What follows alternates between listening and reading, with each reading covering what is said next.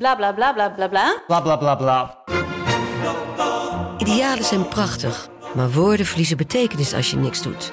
Dus laten we met z'n allen wat minder praten en meer doen. Bij Agmea zijn wij vast begonnen. Zo gaan wij voor minder verkeersslachtoffers, gezonde werknemers en duurzame woningen. Waar ga jij voor? Kijk op www.werkenbijagmea.nl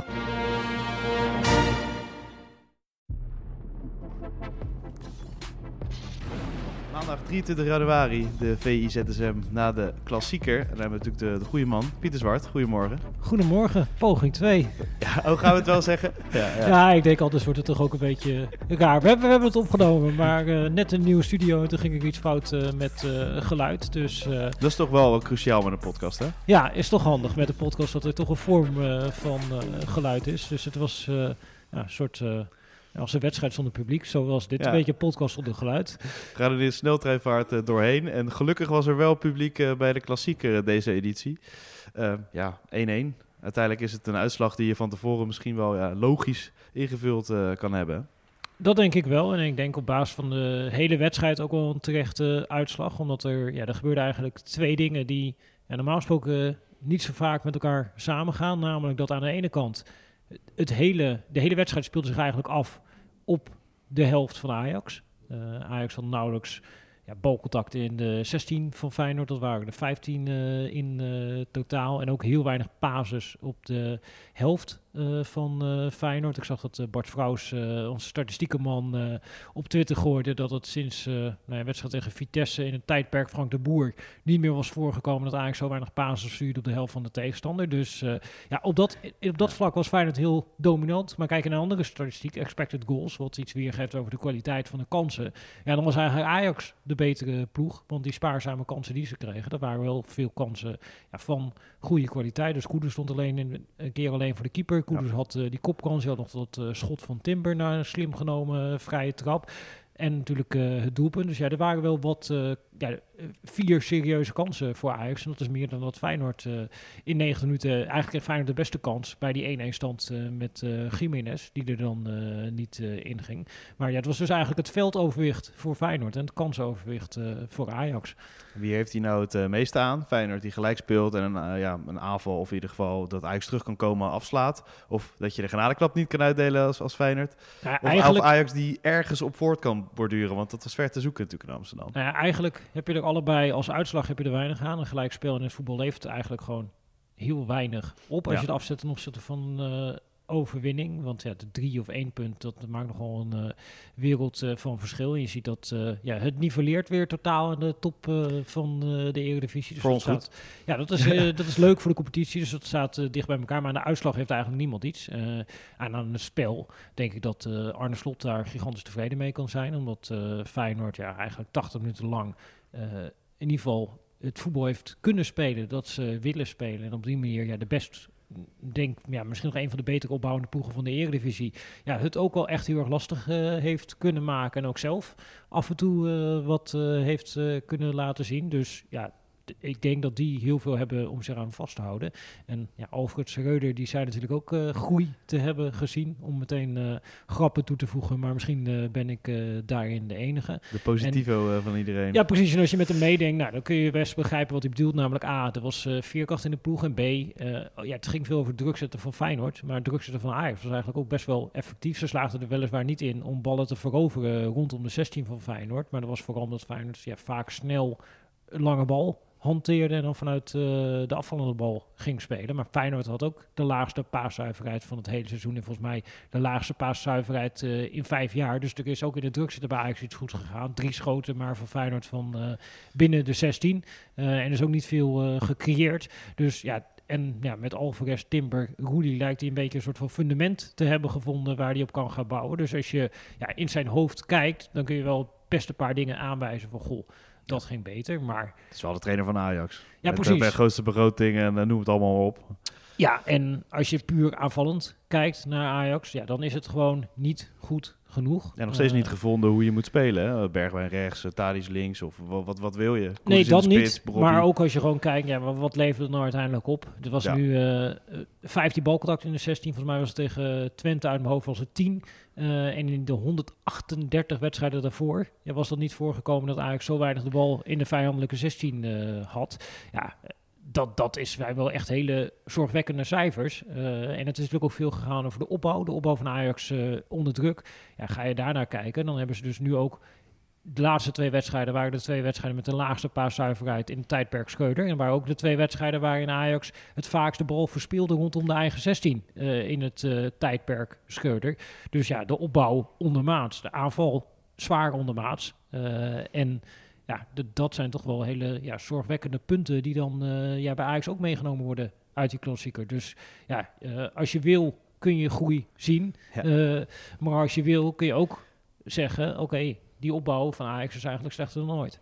Ja, je moet gewoon een hele grote zaklamp bij je hebben, wil je het allemaal zien. Ja, het is net, net, net waar wil je naar kijken. En ja, je, je kunt inderdaad naar de dingen kijken waar een verbetering in is. Eh, en die hoef je niet te ke- ontkennen dat op bepaalde vlakken een verbetering is. Maar ja, de, de onderdelen van het voetbal waar Ajax ja, eigenlijk vaak voor staat. Namelijk eh, dat je onder druk uit kan spelen. En dat je uiteindelijk met creatief aanvallend spel tot kansen komt. eh, in de 16 van de tegenstander komt. Ja, dat gaat eigenlijk slechter dan ooit.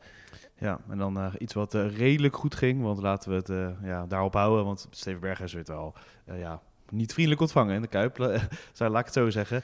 Maar het ging in het stadion redelijk oké. ehm, maar hij brandde gaf wel de media een uitbrander. ehm, en Nico Dijkshoorn sch- schreef ook een column over. En die zei, het enige wat nog ontbrak aan zijn hele relaas was gewoon weigeren om te spelen. Dan meet hij dat natuurlijk niet helemaal. Maar eh, Nico Dijkshoorn was in ieder geval, ja... ehm, grotendeels eens met Steven Berghuis. Ja, ja meest gelezen op VI Pro. eh, Dus eh, ik zou zeggen, ja, ga vooral die column eh, van Dijkshoorn lezen. Want ik kan het niet zo goed verwoorden als hij het daar op papier heeft gezet. Ik zie ook dat, kaarsje eh, erbij staan, nog een beetje in mijn hoofd. Ja, precies. Dat, dat, dat talent voor net het goede woord op de juiste plek, dat, dat heb ik zeker niet. En ja, dat interview voor Berghuis was denk ik ook heel krachtig. En ja, het enige wat je er denk ik uit moet halen is... Ja, het zijn allemaal mensen met, die ook een familielid hebben. Eh, ja. En ja, ook mensen...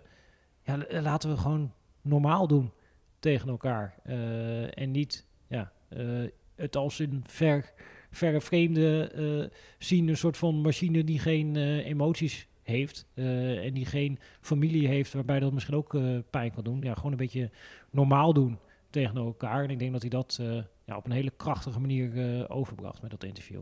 Want rivaliteit vond hij ook wel oké, hè?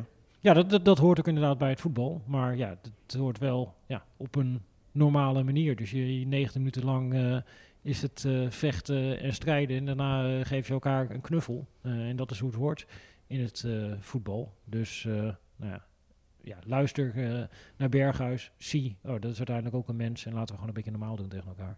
Meest gelezen op eh, vi.nl was eh, Arsenal. Ehm, ja, die zijn opdreven natuurlijk, spelen geweldig voetbal.